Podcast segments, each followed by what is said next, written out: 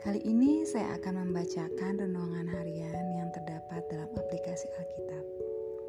Renungan harian Sabtu 6 November 2021. Bacaan Matius 13 ayat 10 sampai 17. Membuka hati dan mencari. Itulah sebabnya aku berkata-kata dalam perumpamaan.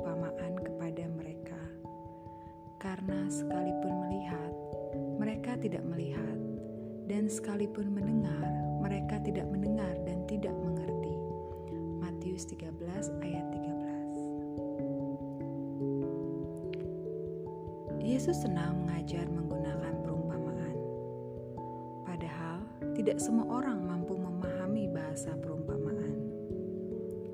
Apakah Yesus tidak mempertimbangkan kemungkinan lebih banyak orang mau menjadi muridnya ketika ia mengajar dengan bahasa yang lugas? Hal ini mungkin terbersit dalam benak para murid, sehingga mereka mempertanyakannya. Yesus menjawab pertanyaan para murid dengan mengatakan bahwa perumpamaan menegaskan sifat rahasia kerajaan surga. Hanya orang tertentu yang dapat memahaminya, yakni mereka yang membuka hati untuk dibentuk menurut kehendak berinisiatif, manusia menanggapinya dengan iman. Inisiatif Allah mutlak diperlukan untuk menyatakan rahasia kerajaan Allah dan membimbing manusia agar merespon pewartaan kerajaan Allah dengan iman.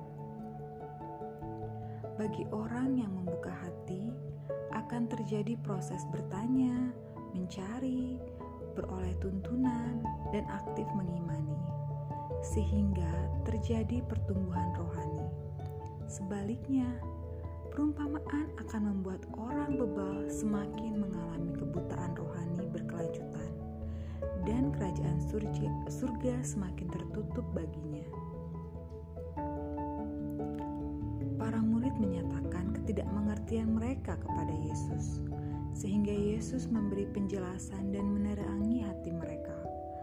Langkah iman inilah yang membuat mereka beroleh pengertian.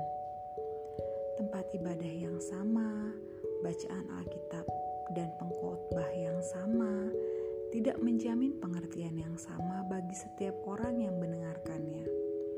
Kebenaran firman Tuhan adalah anugerah yang akan dinyatakan setiap orang yang mau membuka hati untuk menerimanya. Bagaimana dengan kita? Inti bacaan kita rahasia kerajaan Allah terbuka bagi